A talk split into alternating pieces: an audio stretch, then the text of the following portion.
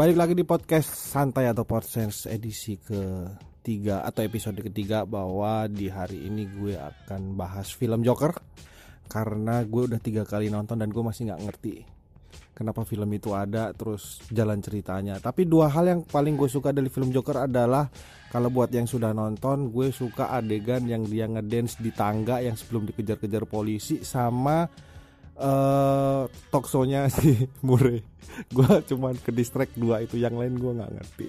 Nah tapi di sore hari ini gue bakal uh, coba ngobrol sama salah satu temen gue yang seneng banget dengan uh, cerita-cerita film yang seperti ini yang futuristik yang imajiner terus yang produk-produk DC gitu. Langsung kita sapa salah satu narasumber gue. Halo bro Halo bro. Ya. Nama lo siapa bro? Lo kenalin dulu. Oke, perkenalkan nama gue Reza. Uh, ini teman sejawat. Asik sama sejawat. Ya. Anak Bekasi. Yang punya pot sans. yang punya punya. Yang punya yang punya. ya, jadi uh, eh, FYI Reza ini salah satu editor uh, akun apa istilahnya? YouTube YouTube Breakdown Universe ya. Breakdown. Nah kalau yang sering nonton review-review pasti lo tahu. Nah ini gue lagi ngomong sama editornya. Silakan kalau ada job sampingan, iya bisa diatur. Nah, langsung aja bro, kita mau bahas film Apa Joker nih? nih. Jadi kayaknya menarik banget nih film ini kan hype banget ya akhir-akhir ini. Banyak yang bahas di terutama di dunia maya bahkan di lingkungan kerja kita juga banyak ya. Itu film Joker tuh apa sih itu terus eh kemarin tuh gimana sih kok bisa kayak gitu. Nah, uh, kalau dari sisi alur cerita filmnya bro menurut lo ini tuh uh, sebenarnya apa sih yang pengen disampaikan si pembuat film ini dari sudut pandang lo sebagai salah satu reviewers film gitu ya kalau menurut uh, gua sih ya kalau kita nonton film Joker ini pertama kita harus melepaskan dulu image Joker ini adalah image sebuah karakter dari komik gitu loh karena film Joker ini adalah bukan film superhero hmm. film Joker ini sudah ditegaskan juga sama sutradara Todd Phillips ini adalah film stand alone jadi film film sendiri gitu loh yang punya story sendiri oh. dan nggak nyambung sama sekali sama superhero jadi ibaratnya film ini sekali selesai ya sekali Dia, selesai ya kemungkinannya seperti itu mm -mm, cuman adaptasinya memang karakternya ini Joker adalah Jokernya komik DC gitu uh. Joker DC yang ada di Batman The Dark Knight okay. ya kan tapi film Joker yang kali ini versi Joaquin Phoenix ini bukan film superhero jadi ini lebih film eh, film yang lebih uh, menceritakan tentang uh, penyakit mental illness gitu oh gitu. jadi isu mental. apa ya bisa keterbelakangan apa ya gimana ya Uh, mental illness itu apa sih arti bahasanya? Mental illness itu kan kesehatan mental. Kesehatan mental. Hmm, kesehatan okay. mental. Jadi film yang menceritakan tentang kesehatan mental seseorang yang mungkin mentalnya itu sakit banget gitu. Hmm. Mental itu sakit banget sehingga bisa dibilang gila lah ya. Iya, bisa iya. dibilang depresi, gila, depresi, stres. Stres. Jadi Joker ini adalah karakter yang uh, menerima uh, uh, hal-hal buruk lah dari society, hmm. dari keluarganya juga uh, dari iya, lingkungan, iya. lingkungan juga ya, semuanya ya. so, lingkungan sosial dia mengalami hal-hal buruk lah jadi gitu. poinnya film ini sebenarnya adalah membahas mengenai isu uh, kesehatan, mental, kesehatan mental dan yang paling relate dari banyak sekali karakter yang beredar di di kita semua itu adalah Joker ya. Mm -mm. Nah. Karena Joker sendiri kan nggak pernah diceritakan di komik DC yang itu. DC, hmm. Di, eh, di, di komik di DC mungkin pernah ya, tapi uh, di film di, di film Batman The hmm. Dark Knight ketika Joker muncul pertama kali itu belum pernah diceritakan Joker ini kenapa jahat iya iya dia kan kenapa dia bisa jahat iya, iya. kenapa iya. dia bisa sepsikopat itu hmm, membunuh hmm, orang hmm. gitu loh dan dia tuh bukan superhero dia cuma orang biasa yang nggak punya kekuatan cuma punya pistol sama pisau hmm. dia bisa me me mengacaukan warga Gotham yeah, iya, sampai yeah. Batman pun kewalahan gitu yeah, di cerita yeah. di cerita versi filmnya ya hmm. nah di sini lebih ke menceritakan Iya mami lagi bahas film Joker. yeah. nah kalau di sini tuh lebih ke uh, uh, si sosok Joker ini diceritakan lah latar belakangnya gitu. Oh. Tapi sekali lagi kita harus melepaskan gitu, melepaskan kalau Joker yeah, yeah. karakter. Gitu. Tapi memang kenyataannya banyak juga di antara kita penonton kayak berusaha mengait-ngaitkan gitu loh, ya kan? Hmm. Termasuk yang gimana? Oh itu ternyata si anak kecil itu kalau yang nggak ngikutin, kalau gue kan soalnya kan nggak ngikutin ya komik-komik DC, cuman penikmat doang gitu mengaitkan bahwa oh si anak yang anaknya Thomas Wayne itu adalah Batman. Terus ada pertanyaan kan, kalau si Joker itu sedang berdelusi, terus motivasi dia jahat itu eh, apa motivasi si Batman itu jadi hero tuh apa gitu kan? Membasmi kejahatankah atau memang ada dendam sama si Joker? Tapi ternyata asumsi ini sebenarnya nggak boleh ada ya.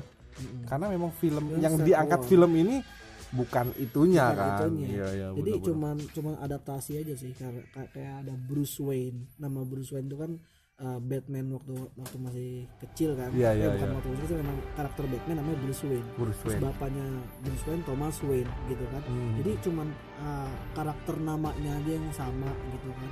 Kalau misalkan kita bilang uh, kenapa apa motivasi Batman jadi superhero gitu superhero kan ya superhero ya mungkin ya eh ini backstory Joker seperti ini mungkin bisa aja ini bukan delusi jadi mungkin semua kejadian yang di film itu memang benar terjadi Hmm. gitu kan benar terjadi sehingga menyebabkan dia gila dia Gila, jadi, iya, jadi iya. mental illness Iya, karena depresi. ya bertubi-tubi lah masalahnya dia itu kan dari mulai masalah Digambarkan keluarga, ya, ya, ya, ya. sampai gongnya itu adalah dia tahu kalau dia itu anak anaknya adopsi anak adopsi gitu loh. anak sih anak adopsi padahal dia merindukan sosok seorang bapak dia Iya. merindukan sosok seorang bapak sampai dia berdelusi waktu dia ada di acara murai dia bilang kan saya akan meninggalkan semua ini untuk anak seperti kamu gitu loh. Jadi Iya, dia emang iya. benar-benar butuh pelukan seorang bapak tapi ketika dia butuh kasih sayang. Butuh kasih sayang Iya, seorang bapak benar, gitu. tapi ketika dia menemui si Thomas Wayne ini Thomas Wayne ini berbicara kalau dia bukan bapaknya gitu Iya. kan.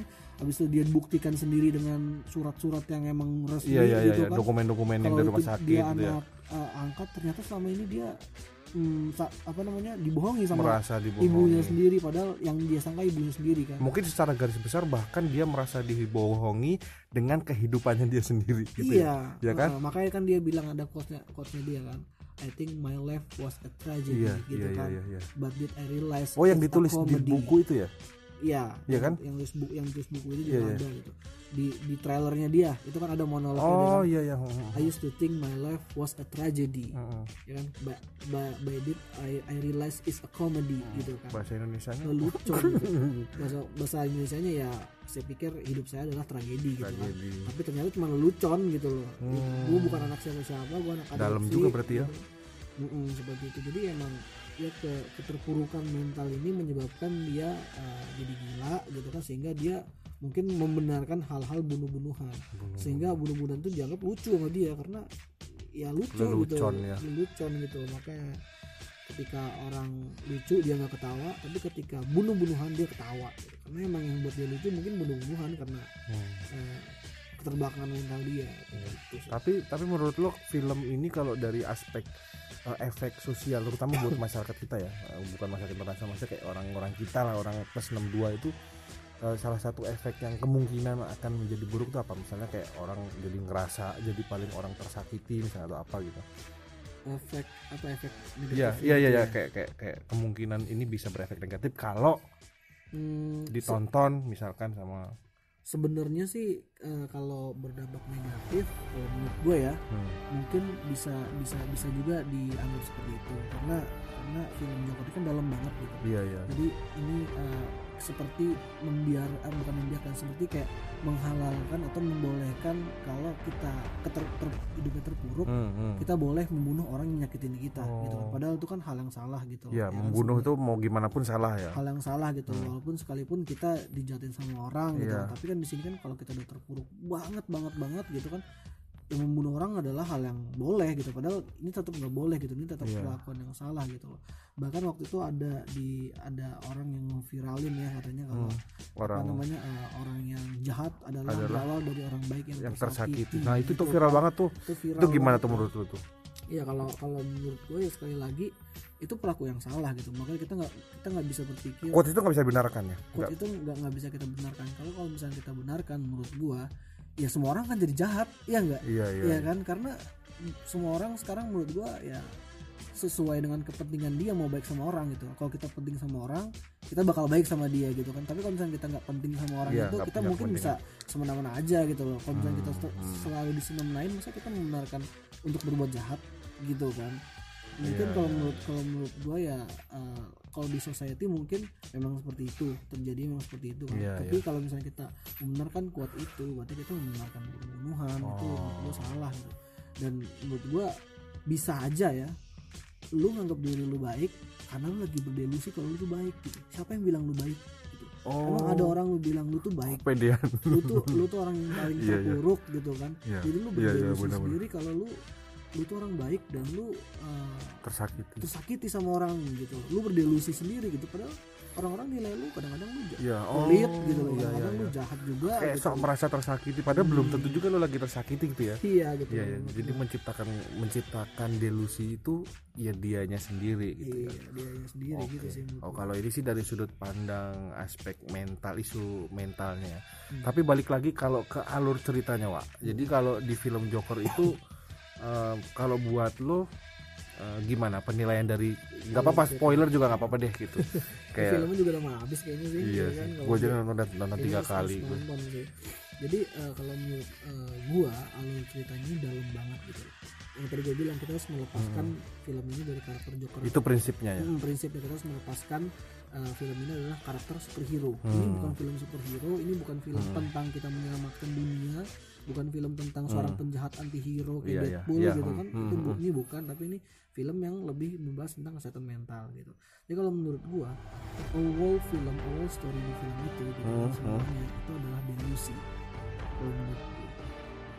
Ketika dia membunuh uh, tiga orang Backstreet Boy di Iya, yang di kereta gitu itu kan pertama. habis itu dia berpacaran habis Yang itu dia iya. pelawak ya kan habis itu dia comedian. bunuh uh, temannya sendiri habis itu Iya dia si bunuh.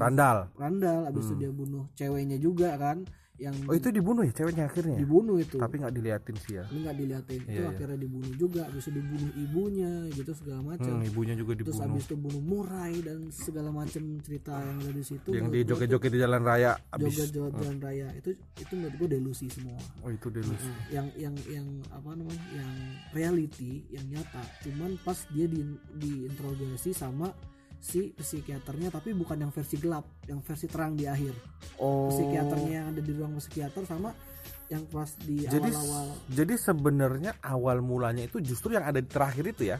Yang Iya. dia di ruangan putih-putih itu kan. di situ aja dia diinterogasi di situ doang mungkin yang diinterogasi di awal sama yang Deborah Ken yang hitam itu Ah, ah, iya, yang- iya. yang, Yang di PT klinik. itu, yang, Yang di di klinik klinik. yang versi darknya lah Yang, yang pakai BPJS. hmm, BPJS BPJS Iya, Gotham.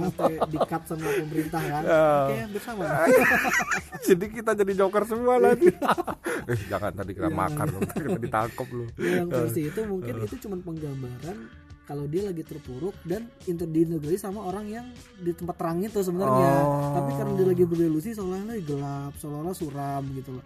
Dan Ada adegan yang dia gedor-gedor pala. Wah, iya Dah. itu, makanya kan ditanya kan eh, apakah eh, kamu lebih baik ketika lagi dikurung? Ada dialognya begitu. Iya, iya, Kalau kalau iya, nonton iya. sekali lagi coba lihat.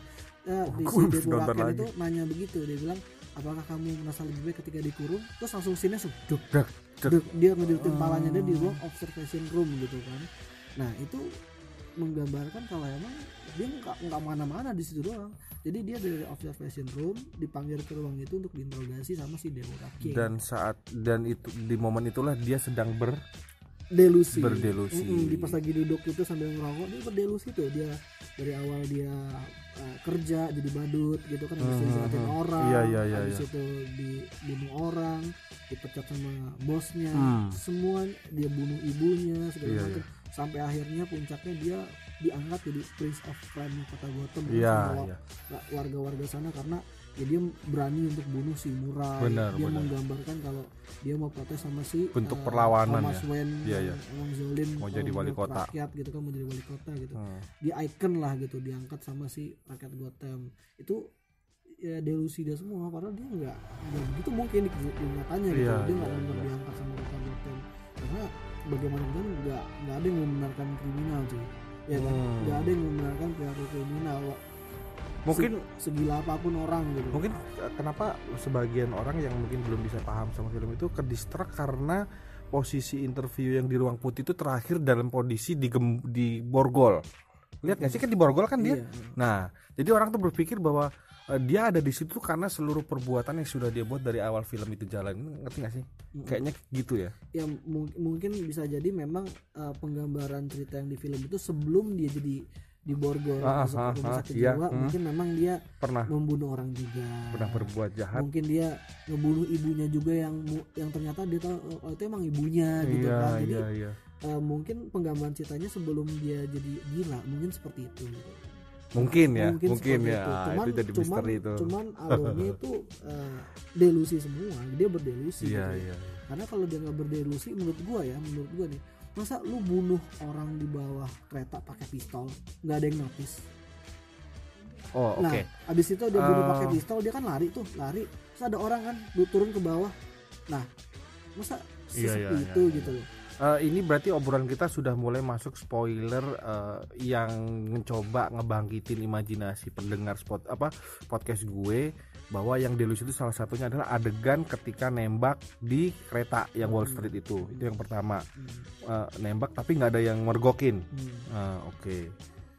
Terus apalagi yang yang salah satunya? Contohnya misalkan yang eh, masuk to- eh, apa masuk stand up itu yang disorakin itu kayaknya juga dia stand upnya nggak lucu Iya, ya? itu itu juga termasuk jadi kalau misalkan lu nonton ketika dia stand up dipanggil itu Hmm, dia kan nggak lucu. Iya. Tapi orang ada ada backshot Iya, iya, iya, iya. tiba-tiba ketawa-tawa. Iya. Terus habis itu ngeliat si cewek yang di bawah Senyum. tamas itu senyum. Itu emang totally delusi. Delusi. itu ada satu shot yang dia begi dia ngerahin tangannya seolah-olah kayak berhasil Hmm, um, nyambut applause nyambut ya. applause, dan itu cuma ada lampu-lampu warna oranye iya ada iya, orang. iya iya. Itu nggak ada orang coba lu perhatiin deh. Itu ada di trailer juga masa ada deh? Itu itu uh, dia kosong gitu loh. Jadi Hmm. lagi berdelusi gitu.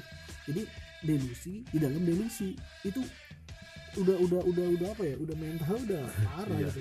Jadi berdelusi dan delusi gitu sempat ada teori juga delusi di dalam delusi kalau Mm-mm, jadi lagi berdelusi Agak- nih lu lagi ngayal gitu kan Hmm, kalau hmm, lu hmm. misalkan jadi presiden gitu kan nah tapi lu nonton diri pas lu ketika lo ngayal jadi presiden lu juga ngayal lagi gitu Iya, lu ngayal lagi di Iya, dalamnya iya, iya, gitu. iya, iya. Karena kan beberapa di filmnya itu kan dia kayak lagi ngayal di acara mure ya kan. iya dia ngayal dia punya cewek gitu loh. Jadi kencan ya kan dia kencan gitu kan jalan itu kan seolah-olah jadi kayak nyata gitu kan. Hmm. Tapi sebenarnya dia lagi berdelusi di dalam delusi gitu.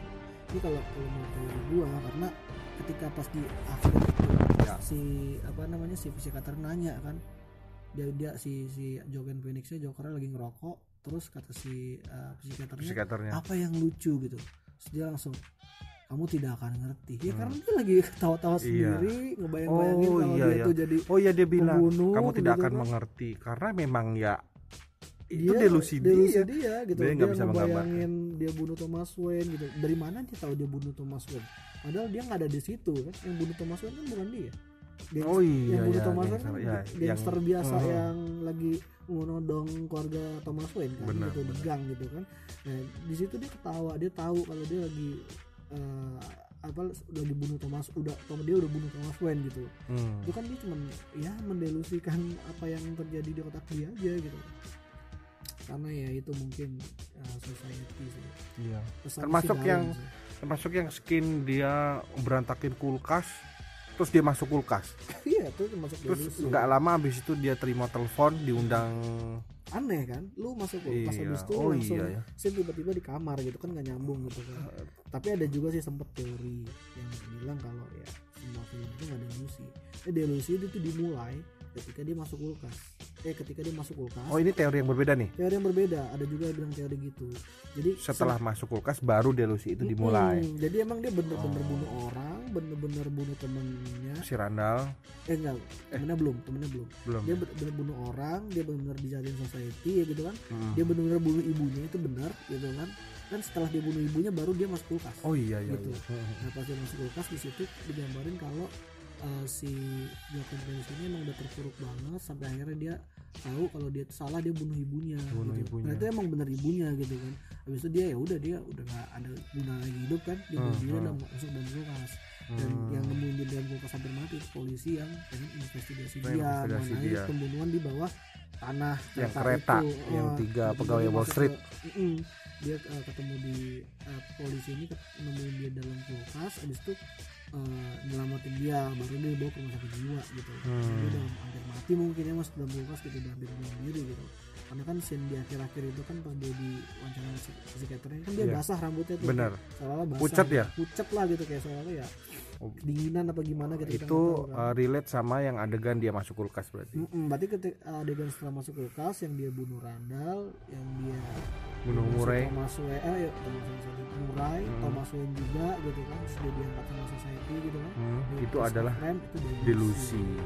Jadi dia ketawa karena itu gitu dia udah bunuh Oh. tiba-tiba "Huh, gua udah bunuh Tapi bunuh." tapi kalau sudut pandang lu dan uh, si BC Universe itu adalah semua dari awal Delusi. sampai sampai yang di psikiater eh, sebelum psikiater itu adalah delusi. iya kalau gue sih nganggap semua delusi sih karena Hmm, ya kalau nggak kalau nggak kalau nggak delusi semua ini bisa dilanjutin ke jadi sebuah film sequel menurut gua Iya, iya. bisa lanjut ke Bat Batman-nya Matt Reeves kan yang Robert Pattinson Hmm, gitu kan tapi iya, iya. sutradaranya sudah tegaskan ini bukan ini nggak akan Makanya- gitu. walaupun dapat Oscar sekalipun Iya, iya. gitu dia nggak Makanya di uh, ending film jelas itu tulisan the end. Di- Kalau the end biasanya memang udah selesai. akan selesai Terus setelah kredit title juga nggak ada apa-apa kan gue tungguin juga nggak ada apa-apa ya, lagi. mungkin kalau misalkan si uh, si Todd Phillips ini Hmm, sebenarnya mau Todd Phillips. gitu kan Todd Phillips ini mau mungkin dia bakal bikin spin off yang menceritakan tentang si uh, Penny Penny Fleck ibunya jadi ketika dulu dia kerja sama si Oh. Thomas Wayne emang emang dia benar-benar gila Oh ini sih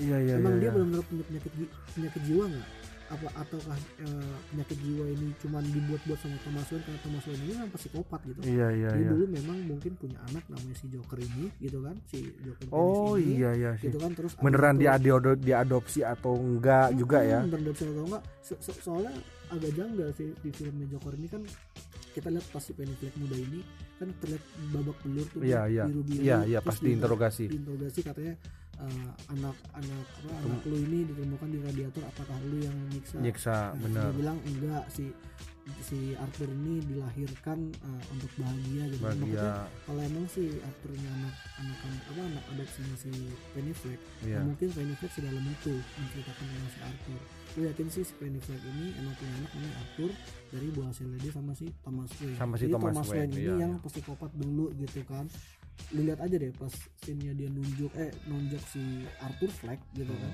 Hmm. nunjuk itu enteng banget tangannya Wayne pas di kamar mandi Der, Iya iya gitu iya kan. yang pas di toilet. Iya. menggambarkan dia memang dia seorang yang keras Iya, seorang yang memang dulu Arogan. keras arogan dan KDRT Superior, iya, mungkin gitu kan jadi ya kalau menurut gue sih kalau emang pengen bikin sequel ya mungkin bisa bikin Oh, kemungkinannya nguliknya masih di figur-figur yang ada di film Joker kemarin Mm-mm, ya. jadi mundur lah bukan ke Batman, Matt Iya, Reeves atau enggak si Superman Masih- Reborn atau apa masih itu.